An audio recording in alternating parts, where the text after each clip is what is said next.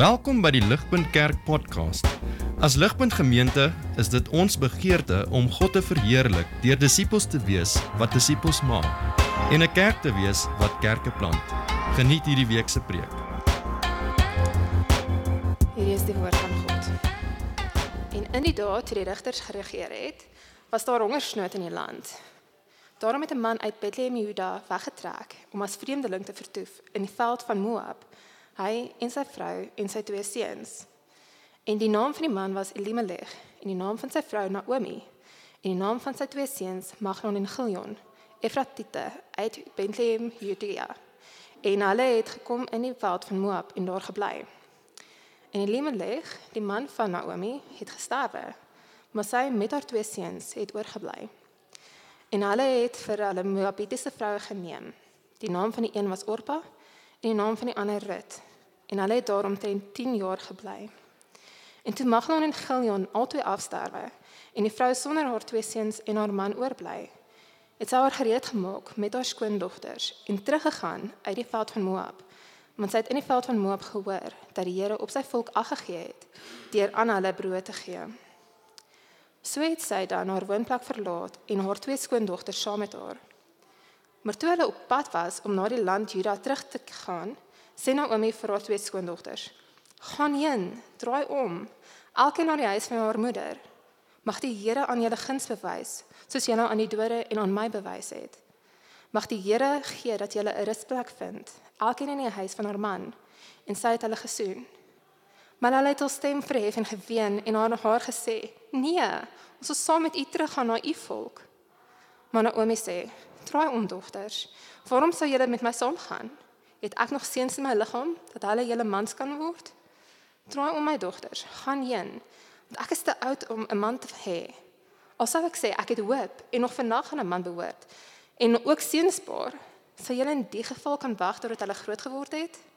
Sou julle in die geval julleself opsluit om nie aan 'n man te behoort nie? Ag nee my dogters, want dit is wat dit is my baie bitterder as vir julle dat die hand van die Here teen my uitgestrek is. Toe verhef hulle hul stem en ween weer. En Orpa het haar skoonmoeder gesoen. Maar dit het aan haar vasgehang. Daarop sê sy: "Kyk, jou skoonsister het omgedraai na haar volk en na haar gode toe. Draai om agter jou skoonsister aan." Maar dit sê: "Moenie by my aandring dat ek u moet verlaat om agter u aan te draai om te draai nie. Want waar u gaan, sal ek gaan. Waar u vertoef, sal ek vertoef. U volk is my volk en u God is my God." Waar u sterwe, sal ek sterwe en daar begrawe word. Mag die Here so aan my doen en so daarin toe doen, net die dood sal skeiding maak tussen my en u. Dis sy sien dat sy vasbesluit het om met haar saam te gaan, het sy opgehou om met haar te spreek. En hulle twee het op pad gegaan totdat hulle in Bethlehem gekom het. En toe hulle in Bethlehem kom, het die hele stad oor hulle opskudding geraak, 'n opskudding geraak. En die vrou het gesê: "Is dit Naomi?" Toe sy toe antwoord sy hulle: Noem my nie Naomi nie, noem my Mara, want die Almagtige het my baie bitterheid aangedoen. Vol het ek weggetrek, maar leeg het die Here my laat terugkom. Waarom sê julle my Naomi noem terwyl die Here teen my getuig het en die Almagtige my kwaad aangedoen het? So het Naomi dan teruggekeer en Rut, die Moabitiese, haar skoondogter, wat saam met haar uit die veld van Moab teruggekeer het, en hulle het in Bethlehem gekom in die begin van die garsoes. Goeie goeiemôre Ligpunt en gaste wat vandag eers keer by ons is. Dit is goed om saam met julle te kan wees vanoggend. Uh soos Johan gesê het, begin ons met hierdie nuwe reeks in die boek van Rut wat ons so vir die volgende, daar's 4 hoofstukke. Ons gaan 'n hoofstuk 'n week tackle en so uh, vir die volgende maand gaan ons saam deur die boek van Rut werk. Ek's baie opgewonde. Ek vir een het nog nie deur Rut tevore deur Rut tevore gewerk nie en so dis is my net verstom hierdie week wat 'n amazing stories hierdie is. En so ek hoop dat uh, ek hoop dat die dat ons almal sal nie net opgewonde raak oor hierdie fascinerende stories wat soveel jare 'n storie wat soveel jare gelede geskryf is nie, maar wat wat so duidelik uh en met ons praat in 2023 in 'n plek soos Pretoria. Ek wil net voordat ek vir ons bid, wil ek net een ding sê want dit het my net weer ehm um, my net ge, getref vanoggend toe ons gesing het. Dis vir my al, al is dit net vir my onsaglik bemoedigend om so saam met God se mense te sing elke sonoggend en ek weet dat nie al die musiekspan is nou hier nie, party van hulle is nou die musiekspan daar bo by die kinders, maar as jy deel is van die musiekspan uh, en dit sluit verseker ek fish in daarbo wat week in en week uit vir ons die klankies sou doen. Baie dankie vir die manier wat julle dien. Dit is so goed vir ons harte. Dit is so goed vir ons om so saam te sing. En eintlik as ons net na die liedjies geluister het in die liturgie vanoggend, dan kan ons eintlik net nou sê amen, kom ons gaan huis toe want die Here het al reeds vanoggend dink ek so goed uh, ons in ons geloof opgebou. So daar baie dankie musiekspan. Thanks Fish, dankie vir julle daarso. Julle kom ek bid vir ons en dan gaan ons uh, inspring in in rit hoofstuk 1. Kom ons sluit die oë. Kom ons vra dat die Here nou met ons sal ontmoet. Ja Vader, ons wil na U toe kom, o God, en ons benodig Here in hierdie oomblik U uitermate genade in ons lewens, o Heer. Here, U is 'n God wat heeltyd aan die werk is. U hand is oral te sien. Ag Here, maar op die beste van tye is ons is, is ons oë te blind om dit te gewaar. Here, en U is 'n God wat heeltyd deur praat. Die hemele balsyn uit um, wat U glorie is en wie U is en wat U verdien. Maar Here, ons op die beste van tye is so gejaagd. Ons is so besig om te dink aan die volgende ding op ons to-do-lys. Here dat ons die stem op die beste van tye nie hoor nie. Here ons dankie vir sulke samekomste van u mense soos nou vanoggend van die kerk. Here waar ons net vir 'n oomblik in die harwar van ons lewens kan stil raak sodat ons u kan sien en u kan hoor. Ag asseblief Here ons is hier en ons bid en vra kom praat met ons. Kom doen dit ook nou deur hierdie gedeelte in Rit hoofstuk 1. Here waardeur u ook 'n boodskap vir ons het. Ons bid dit in Jesus se goeie naam. Amen.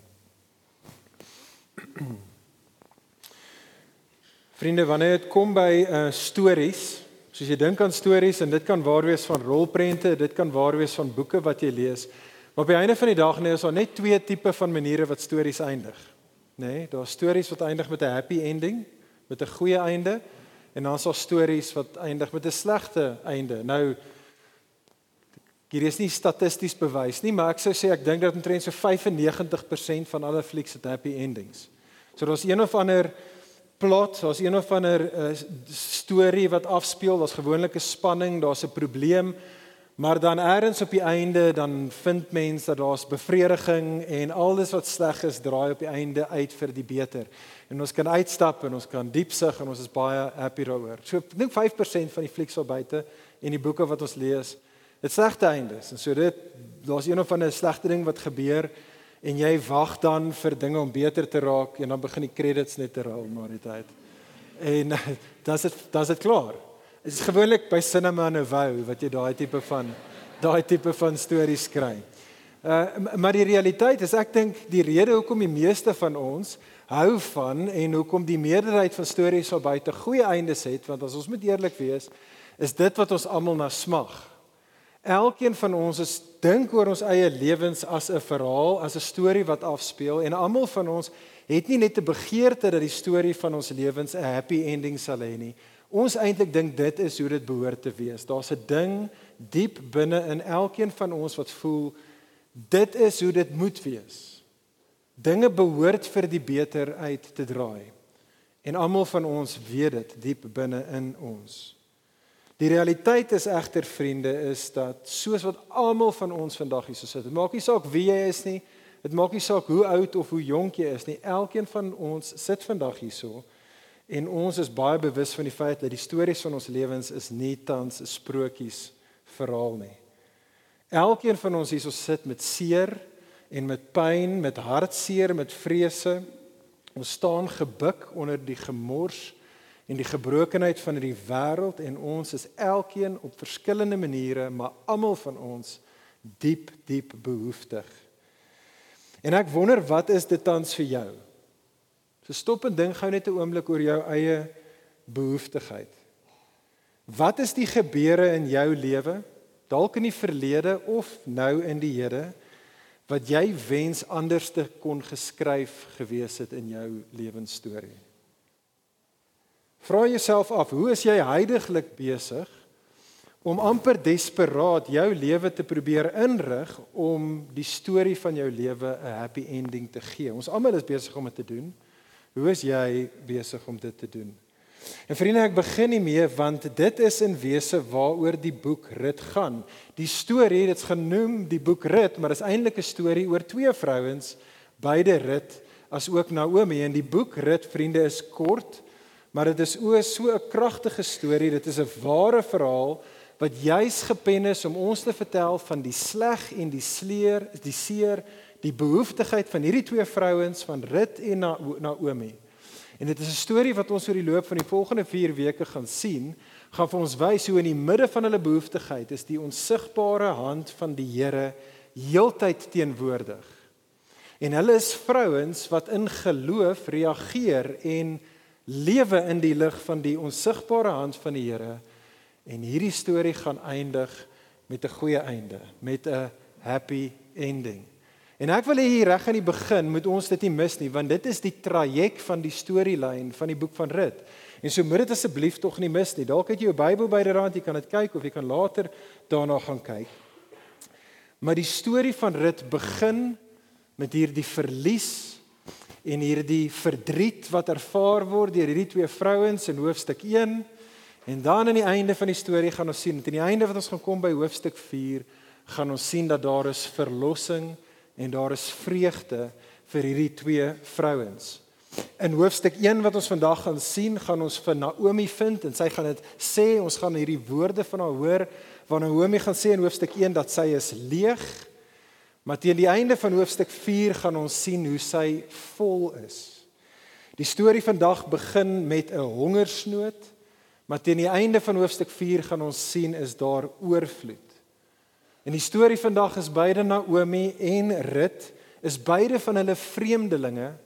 Maar teen die einde van hoofstuk 4 gaan ons sien is hulle deel van 'n baie baie spesiale familie.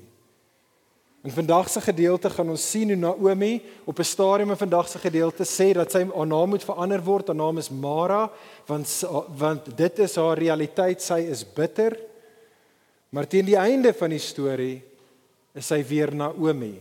En daai naam Naomi beteken aangenaam, soos dit gaan vanaf bitter af na aangenaam toe. In vandag se gedeelte sien ons hoe beide hierdie vrouens kinderloos is.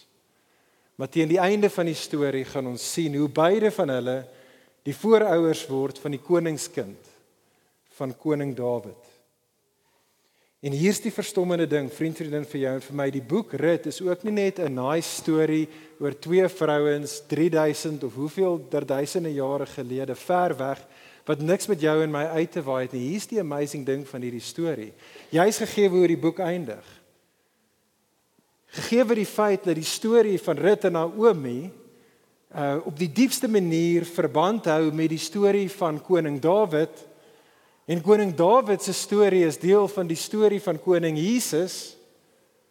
Beteken dit dat elkeen van ons hier wat of reeds vir Jesus as koning erken of elkeen van ons wat die geleentheid het om vir Jesus as koning te erken, beteken dit dat hierdie storie van Naomi en Rut kan ook jou en my storie wees. Ons kan deel hê vriende aan dieselfde storie van hierdie twee vrouens van Naomi en van Rut.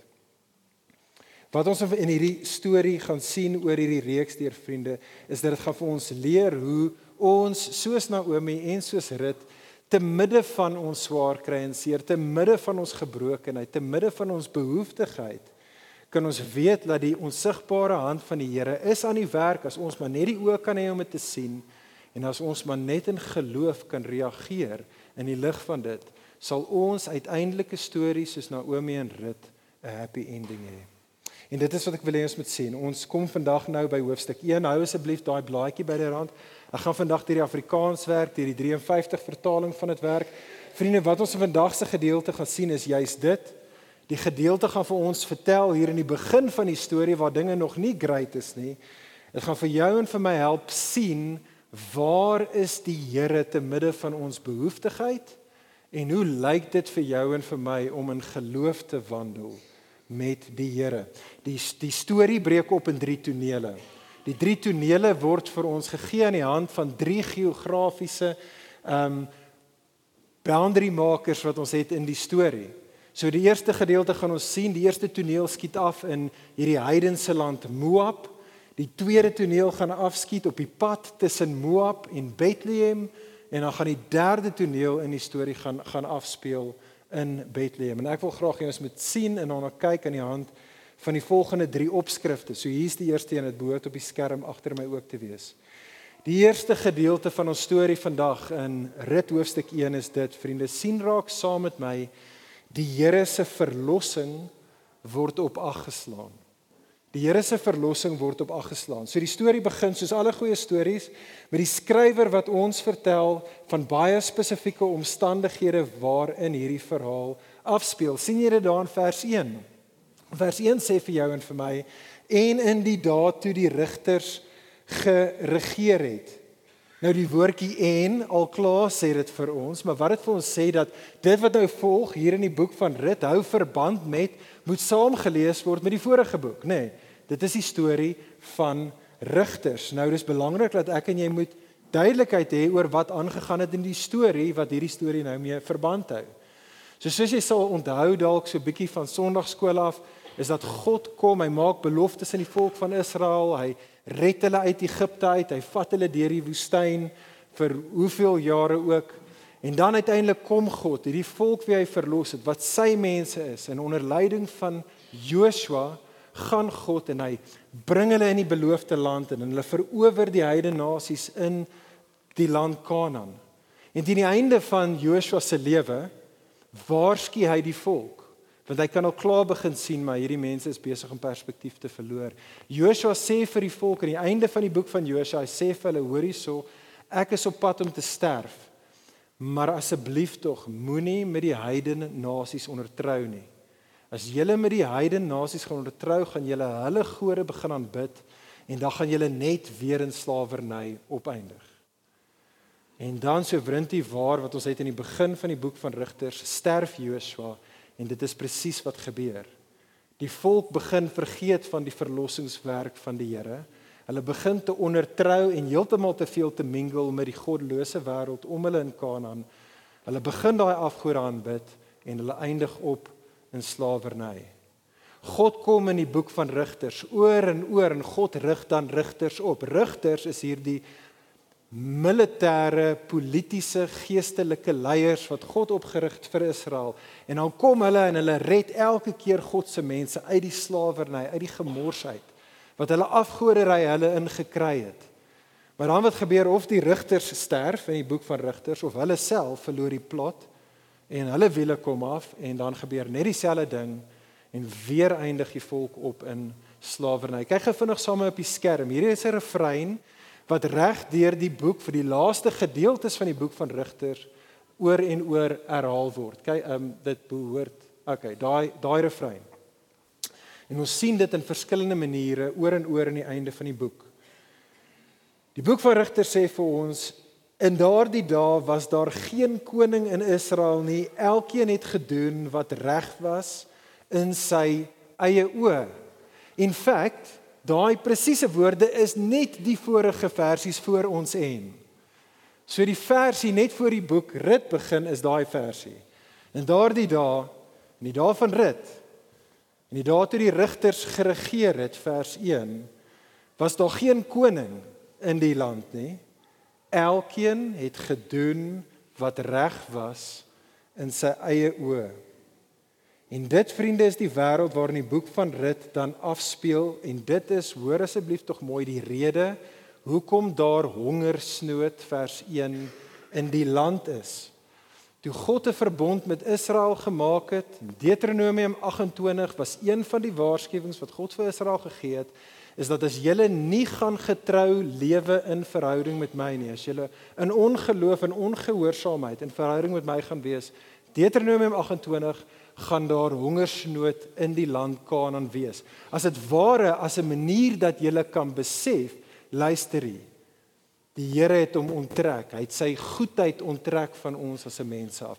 Dit is die rede vir die hongersnood hier in die land wat ons hierso sien.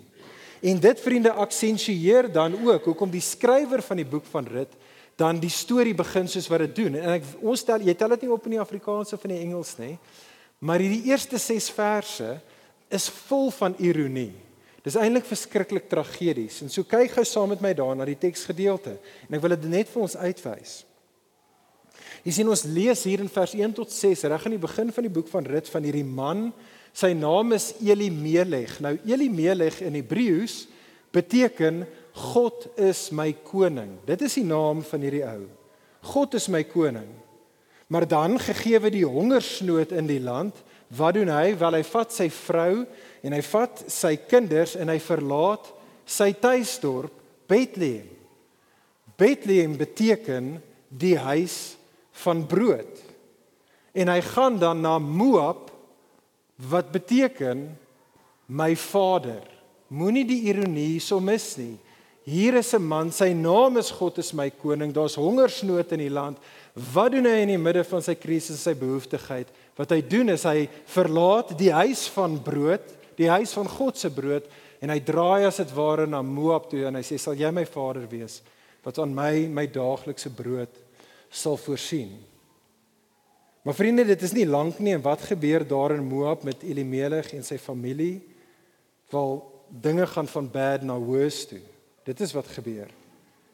Naomi, Elimelech se vrou, wie se naam beteken soos ons net nou gesê het, aangenaam, Wel haar lewensstorie draai alles behalwe aangenaam uit. Eers sterf haar man, dan sterf haar twee seuns, haar seuns Maglon en Gilion. Maglon beteken sieklik. Gilion beteken verwoestend. Dit is hoe hulle storie uitdraai. En al wat Naomi op die einde van die dag in hierdie heidense land oor het, in hierdie vreemde land, is sy se vreemdeling en sy twee heidense skoondogters. Dit is hoe die storie van Rut begin. Vriende, moet dit ook nie mis nie. Daar's 'n baie baie belangrike Bybelse motief wat hier in die begin van die boek van Rigters uh, van Rut uitspeel. En dit is die motief van die kinderlose behoeftige vrou. Ek weet nie of jy bewus is daarvan nie. Dit is 'n massiewe tema, 'n motief reg deur die storie van die Bybel.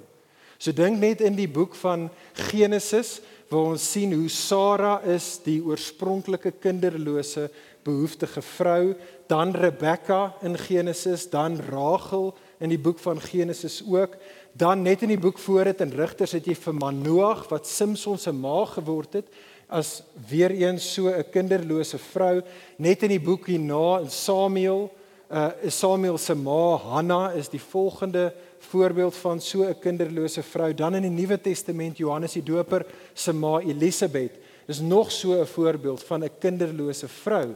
En die punt van daardie motief, vriende, reg deur die storie van die Bybel is simbolies.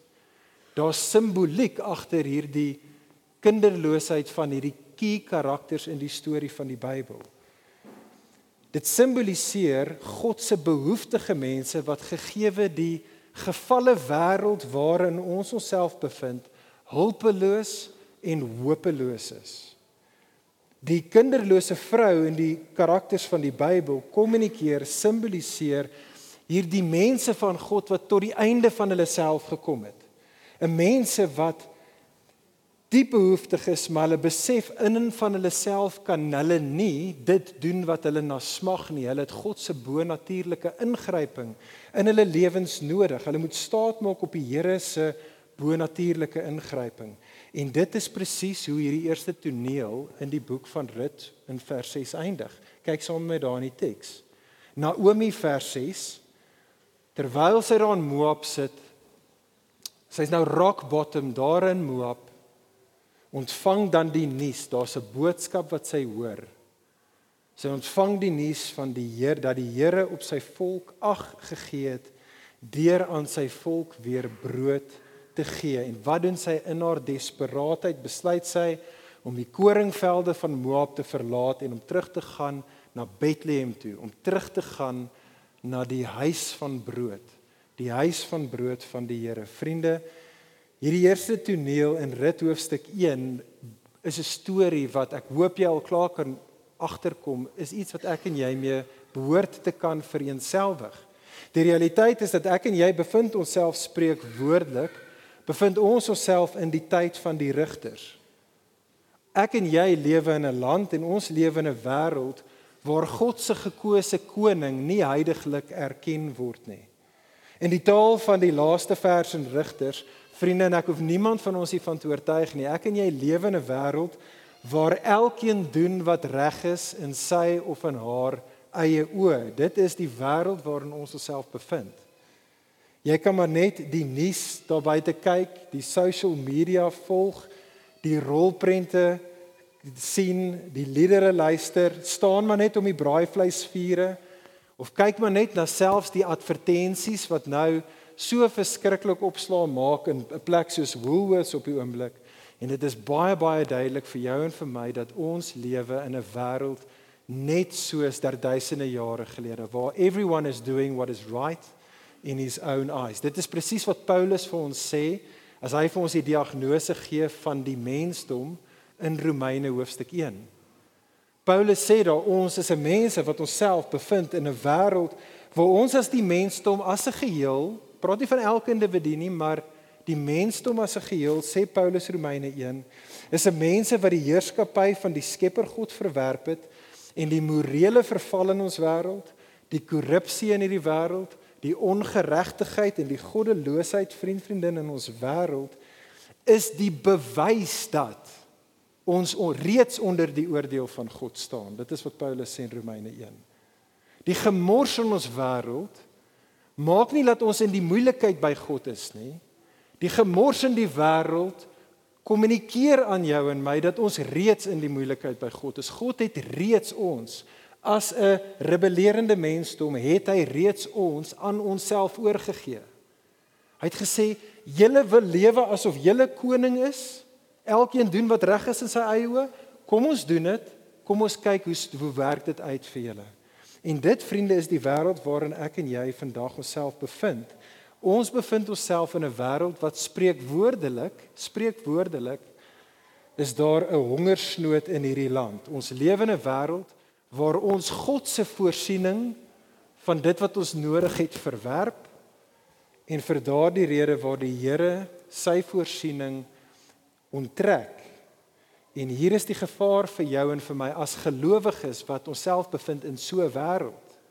Die gevaar vir jou en vir my is dat ek en jy soos Elimelech dan kan ophou wag op die Here om te voorsien en dat ek en jy as gelowiges in ongeloof dan gaan en na ons spreek woordelike Moabs toe hardloop vir voorsiening. Dan kan ek jou vra gelowige Elimelech, jy wie sê God is my koning? Jy sê Elimelech, ons is. Kan ek jou vra wat is dit vir jou? Hoe word jy gelowige tans versoek om buite die wil van die Here te beweeg ten einde jou eie welstand te verseker? Hoe is ek en jy besig om soos Elimelech te wees? Wat vers 1 tot 6 vir ons tot wil waarsku vandag vriende, is dit wil vir jou en vir my sê gelowige Elimelech moenie dwaas wees nie, moenie uit die Here se geopenbaarde wilheid beweeg nie. Indien jy dit doen, mag jy dalk in die kort termyn mag jy dalk 'n return on the investment kry. Maar oor die lang termyn gaan dit terugkom om jou te byt. Moet dit nie doen nie. Dis die waarskuwing in hierdie gedeelte vir jou en vir my. Nee vriende, wat ek en jy moet doen, wat hierdie eerste toneel aan ons kommunikeer is wees wys. In die tye van ons spreek woordelike hongersoet, kom ek en jy wag op die Here. Kom ons wag in Bethlehem. Kom ons bly in Bethlehem en ons wag by die huis van die brood op die God wat beloof dat hy sal na sy kinders omsien.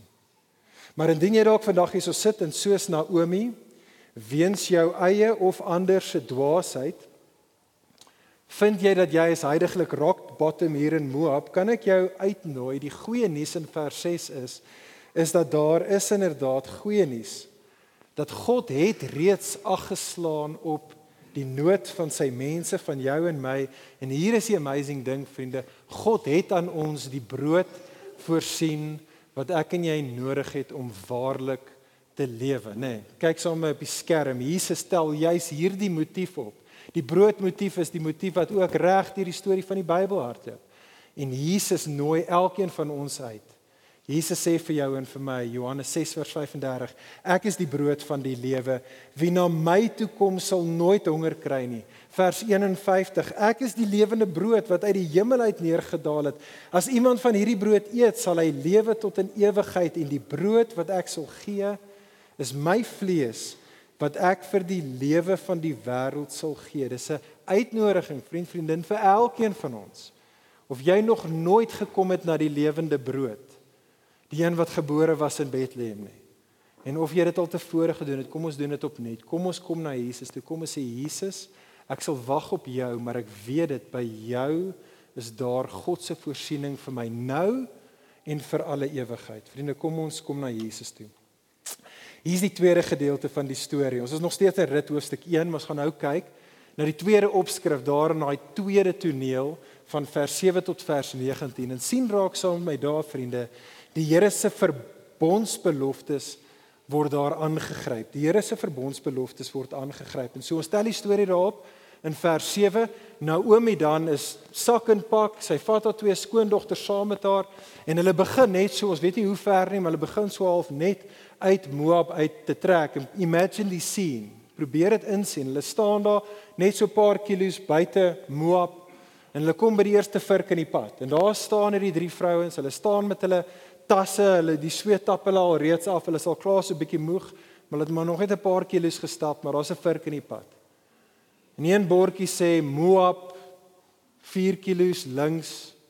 Die ander een sê Juda 74 km regs. En so eh, wat Naomi doen is sy draai na twee skoondogters toe. Sy's nie besig om hulle te manipuleer nie, sy bedoel hierdie opreg. En sy probeer hulle te oortuig om te bly in Moab. Sy dink honestly dit sal die beste wees vir hulle. En so kyk daar so saam met my hoe sy hulle probeer oortuig. Vers 8 tot 9. Naomi kom by haar dogters. Sy sê vir haar dogters: "My liewe dogters, gaan huis toe, gaan terug na julle biologiese ma's toe.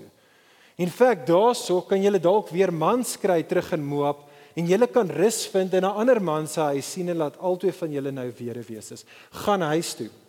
En soos wat sy dit doen, jy kan in die kamera imagine daarso die teks sê vir ons vers 9, is daar 'n gesoen en 'n gedruk en 'n gehuil en 'n geween. Hier is 'n hartseer oomblik. Naomi is reeds lief vir hierdie dogters en hulle is reeds lief vir haar en die twee dogters Orpa en Rut vers 10 sê van Naomi: "Nee, ons wil saam met u teruggaan na u volk toe." En so Naomi draai weer 'n keer. Naomi vers 11 tot 13 sê vir haar twee dogters: "Nee, my dogters, draai om." gaan terug huis toe. Dit is die slim ding om te doen. Kyk, sê Naomi vir hulle, ek ek is te oud. Ek gaan nie ek gaan nie weer kan trou 10 10 nie. Nou gebruik Naomi hierdie absurde argument om haar punt huis toe te maak. Sy sê luister hier. Sy sê vir haar dogter selfs as ek nou vandag net hier op hierdie oomblik 'n nuwe man sou kry en ek en hy trou vandag en ek word nie net swanger vandag nie, maar ek baar 'n tweeling vandag. Selfs dan gaan julle vir pretty lank moet wag voor daai twee laities oud genoeg is vir julle twee om met hulle te trou. Teen daai tyd is julle teen teen en te oud vir hulle. So op punt is om te sê luister, daar's nie 'n manier wat ek of selfs my nageslagte na julle kan omsien nie. Gaan terug na Moab toe. Dit is die beter ding vir julle twee om te doen. En op daardie oomblik sien ons vers 14 is daar weer 'n gedruk en 'n gesoen en 'n gehuil en daar's 'n geween en Orpa, die een suster, besluit toe die een dogter besluit, okay, okay. Sy sy sy draai terug. Orpa se naam beteken die agterkant van jou nek. Want dit is die last memories van Orpa. Is hoe Orpa dan terugstap terug na Moab toe. Maar daar's rit en sy klou, die teks sê sy klou letterlik vas aan Naomi. En so vir 'n derde keer kom Naomi en sy sê vir Rut, "Rut, kyk daar, daar stap jou skoonsister. Sy teruggekeer, let wel, moet dit nie mis nie. Sy keer terug na haar volk en sy keer terug na haar gode toe. Kom nou Rut, wees wys, stap saam met haar. Jy kan haar nog inhaal. Sy net om die draai. Kom, gaan." Maar dan reageer Rut met hierdie woorde wat ek dink redelik bekende woorde is, is die enigste woorde wat ons baie keer in Sondagskool oor Rut gedoen het. Maar hierdie woorde wat regtig die klimaks is van hoofstuk 1. Hoor die woorde, ek lees dit vir ons. Kyk saam na in die teks vers 16 en 17.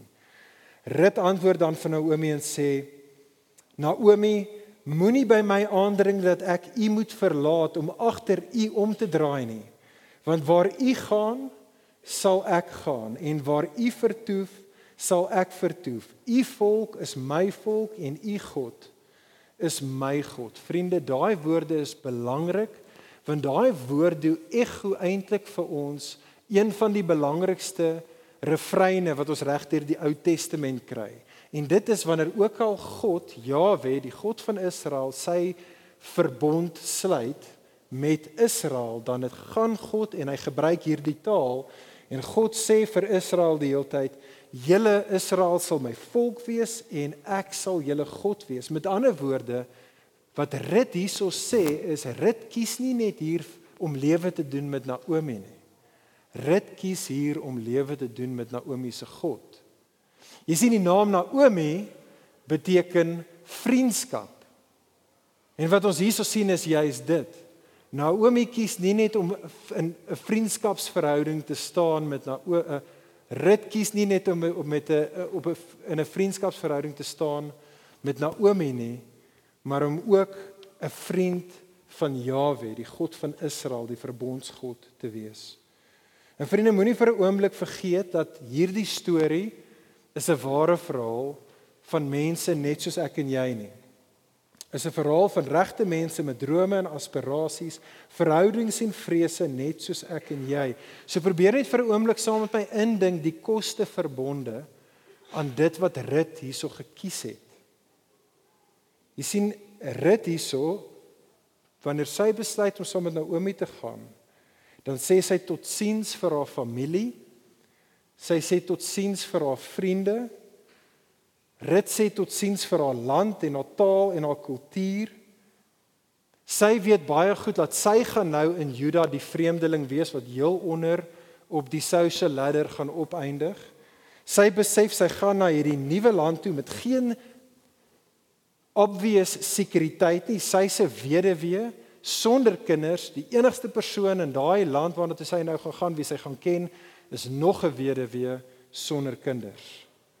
Maar ten spyte daarvan, ten spyte van die koste, kies Rut hierdie lewenspad vir die eenvoudige rede dat sy in 'n verbondsverhouding met die Here God wil staan en sy ag dit as meer kosbaar as alles wat sy gaan moet agterlaat in Moab. En vriende, hoor asseblief tog mooi hierdie toneel hierdie toneel in Rut hoofstuk 1 vers 7 tot 19 dien as 'n lewende lywe illustrasie vir jou en vir my van 'n waarheid wat lê reg by die hart van Bybelse geloof. Ek weet nie of jy dit besef nie. Maar hierdie is fundamenteel tot Bybelse geloof beide in die Ou Testament en die Nuwe Testament en dit is vriende dat ware geloof Ware geloof in die ware God kom altyd teen 'n prys. Besef jy dit? Kyk saam met my op die skerm hoe Jesus hierdie punt gemaak het. Hoe toe Jesus jou en my geroep het om hom te volg, die paadjie agter hom aan te stap. Toe roep hy ons op dieselfde paadjie as Rut. Jesus sê in Lukas 14 vers 26 en 27 as iemand na my toe kom en hy haat nie sy vader en sy moeder en vrou en kinders en broers en susters ja selfs ook sy eie lewe nie kan hy nie my disipel wees nie. En elkeen wat sy kruis nie dra en agter my aankom nie kan my disipel nie wees nie. Paulus wanneer sy verhouding met Jesus beskryf aan ons dan sê hy presies dieselfde ding in die bekende woorde van Filippense 3 vers 7 tot 8. Paulus sê hierdie is die lewenspad wat hy gekies het, maar wat vir my 'n bate was, beskou ek nou as verlies ter wille van Christus. Inderdaad, beskou ek alles as verlies ter wille van die uitnemendheid daarvan om Christus Jesus my Here te ken. Ter wille van hom het alles vir my waardeloos geword en beskou ek dit alles as vullis, as gemors sodat ek Christus as my bate kan bekom. Die Bybelse waarhede eh, waarheid hier vriende is so belangrik vir ons om te begryp. Vriende, besef dit genade, die genade wat ek en jy by God in Jesus vind, is inderdaad verniet. Daar is niks wat ek en jy kan doen om God se guns te wen, te koop nie. God se genade in Jesus is vir ons geheel en al verniet, maar die feit dat genade verniet is, beteken nie dat genade goedkoop is nie. Genade kom teen 'n prys. Soos Dietrich Bonhoeffer het gesê het, when Christ calls a man, he bids him or her come and die. Of soos ons hier in die storie van Rut dit geillustreer word. Kan ek jou uitnooi vriend, vriendin, gelowige, ongelowige as jy dalk vandag hier so sit en jy oorweeg dit om 'n disipel van Jesus te word. Onthou die storie van Rut, dit is 'n behulpsame prentjie vir hoe ware geloof lyk. Wat God elkeen van ons roep wat op pad agter Jesus aan gaan stap na die huis van brood toe. Is God roep jou en my om ons rug te draai op Moab. Al die skatte van Moab en al die afgode van Moab. Hy roep ons om daadwerklik die woordjie terugkeer kom 12 keer in die tweede toneel kom dit voor. 12 keer. Dis presies dieselfde woordjie as die woordjie bekeer in die Ou Testament. 12 keer sien ons hier hoe Naomi en Rut bekeer. Hoe hulle wegdraai van Moab, al die skatte en afgode en hulle sê ons gaan vashou in hierdie God en aan sy verbondsbeloftes. Dit bring ons Dit bring ons dan by die derde en die laaste toneel in die storie. Vriende, ons vind dit in vers 19 tot vers 22. Hier's die hier's die derde gedeelte in Rit hoofstuk 1. sien raak saam met my daar die Here se hand.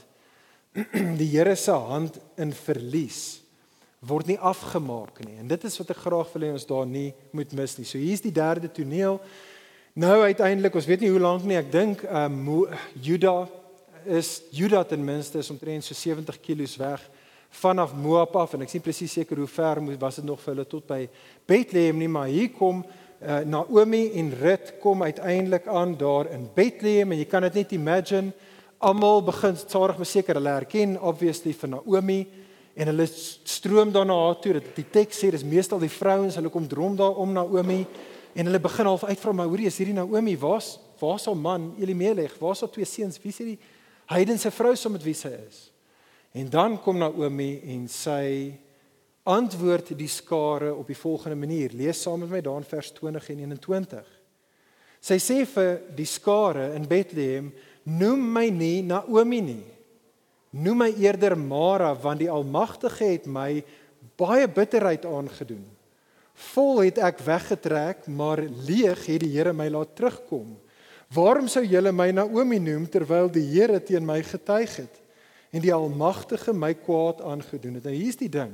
Ek dink meeste van ons en ek dink die Afrikaans laat dit ook so vir jou laat voel. Ek dink meeste van ons lees daai en dit dit klink vir ons so klein bietjie asof hier dit Naomi so bietjie van 'n geloofswabbly. Voel dit so vir jou? So 'n bietjie van 'n sy't so 'n bietjie van 'n geloofswabbly hier en sy's so bietjie miffed en kwaad met die Here oor hoe haar lewe uitgedraai het. Vriende, ek wil vir ons sê dat ek dink wat hier gebeur is presies die teenoorgestelde. Dit wat Naomi hierso sê is nie 'n teken van haar ongeloof nie, dit is eintlik 'n teken van haar geloof. Elke keer wat Naomi net voor dit na die Here verwys het en elke keer hierna wat Naomi na die Here verwys, verwys sy na die Here in positiewe terme en ek dink sy doen dit ook hier en ek dink die klou is in die herhaling van die woord almagtige. Die punt is wat Naomi hierso kommunikeer is dat Naomi kyk inderdaad na haar swaar kry. Sy kyk na haar seer, sy kyk na haar verlies. Maar sy erken en sy vind berusting in die soewereiniteit van God te midde van haar behoeftigheid. Net soos wat Job in sy verdriet kon gesê die Here het gegee en die Here het geneem. Net soos wat Jesus op die kruis kon gesê het My God, my God, waarom het U my verlaat? Is hierdie 'n soortgelyke erkenning en bewus bewustheid wat sy het? Hier waar ek myself bevind, rock bottom, terug darm in Bethlehem, is hierdie uiteindelik die toedoen van die Here, die almagtige God. En so vriend, vriendin, kan ek jou weer vra die vraag wat ek reg aan die begin vir elkeen van ons gevra het. Stop gou vir 'n oomblik. En dink net vir 'n oomblik. Ek weet dit is nie maklik vir elkeen van ons. Vir party van ons is die seer wat ons ervaar, die gebrokenheid wat ons eerstaan nou beleef of in die verlede, dit wat ons mank gelos het. Elkeen van ons weet al te goed wat dit is. Dink gou vir 'n oomblik, wat is dit vir jou? Vriende, kan ek jou aanspoor soos wat ek myself aangespoor het hierdie week en probeer aanspoor vandag selfs hier dat ons Naomi se geloofsperspektief sal kan hê. Kan ek ons aanspoor? Ons hoef dit nie rasioneel te kan verstaan nie.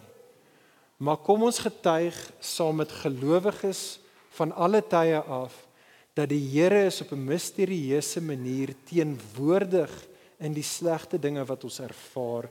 Dit is nie per toeval nie, sy hande was nie gebind nie. Hy het nie gesien dat daar slegte dinge op pad na jou en my toe is, maar toe was hy omkant gevang of hy wou ons actually help, maar hy kon nie want die duiwel het hom net gevang toe hy nie gekyk het nie.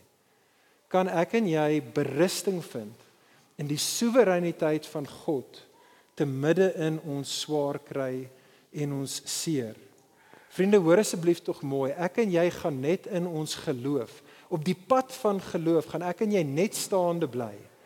As ons 'n manier kan vind om ons behoeftigheid te kan sien as die liefdevolle dissiplinering vormingswerk, dink aan dissiplinering in die sin van vormingswerk van ons liefdevolle hemelse Vader. Dit is wat baie tekste sê so Spreuke hoofstuk 3 vers 12, Nuwe Testament Hebreërs 12 vers 6 en Jakobus 1. Dis maar net voorbeelde van dit. En hoor dit asseblief tog mooi, vriend vriendin, jy gaan net staande bly in die midde van jou geloof. Gaan jy net staande bly as as jy dit is net as ek en jy kan besef dat die Here soewerein in die slegte dinge van ons lewens. Wat ek en jy die geloofshoop sal hê dat hy ook dan kan soewerein wees om uiteindelik die storie 'n goeie storie te kan maak. En so kom ons hou vas daaraan en ek sluit hiermee af. Vriende, rit hoofstuk 1 eindig nog nie totaal bevredigend nie. Ek weet nie of jy dit opgetel het nie. Die storie hier is nog nie 'n happy ending ten volle nie. Die Here se onsigbare hand moet nog baie wonderwerke doen in die lewe van Naomi en in die lewe van Rut in die volgende paar weke soos wat hulle lewensstorie gaan uitspeel en wie weet hoeveel jare dit was. Dit is vir ons net in 4 hoofstukke hier gepen. So dinge op hierdie stadium is nog nie ten volle bevredigend in hulle lewe nie, maar daar is flikkers van hoop.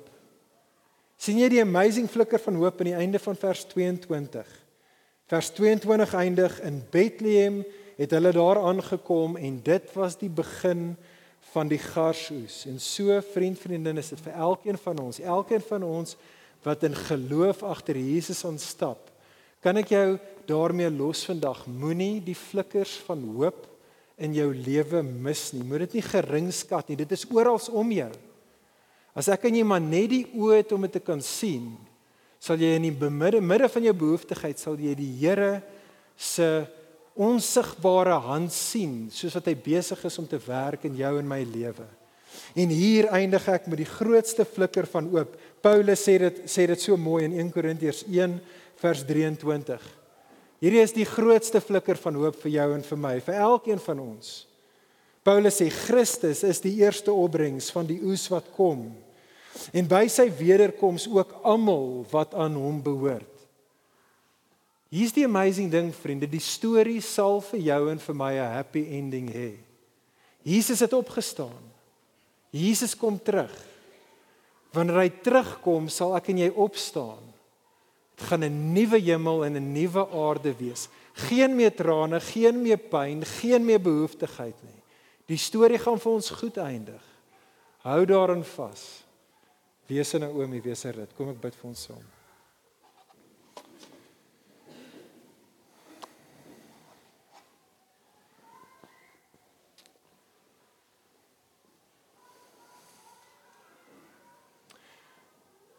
Ja Hemelse Vader, ons wil vir U loof en prys dat U ons het.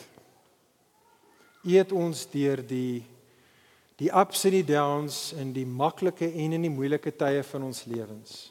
Here, soos wat U gewerk het, baie kere onsigbaar in die lewe van Naomi en Rut, o Here, maak asseblief deur die werking van die Gees die oë van ons harte oop dat ons U onsigbare hand in ons lewens sal sien en krediet vir U sal gee vir hoe U besig is om na ons om te sien.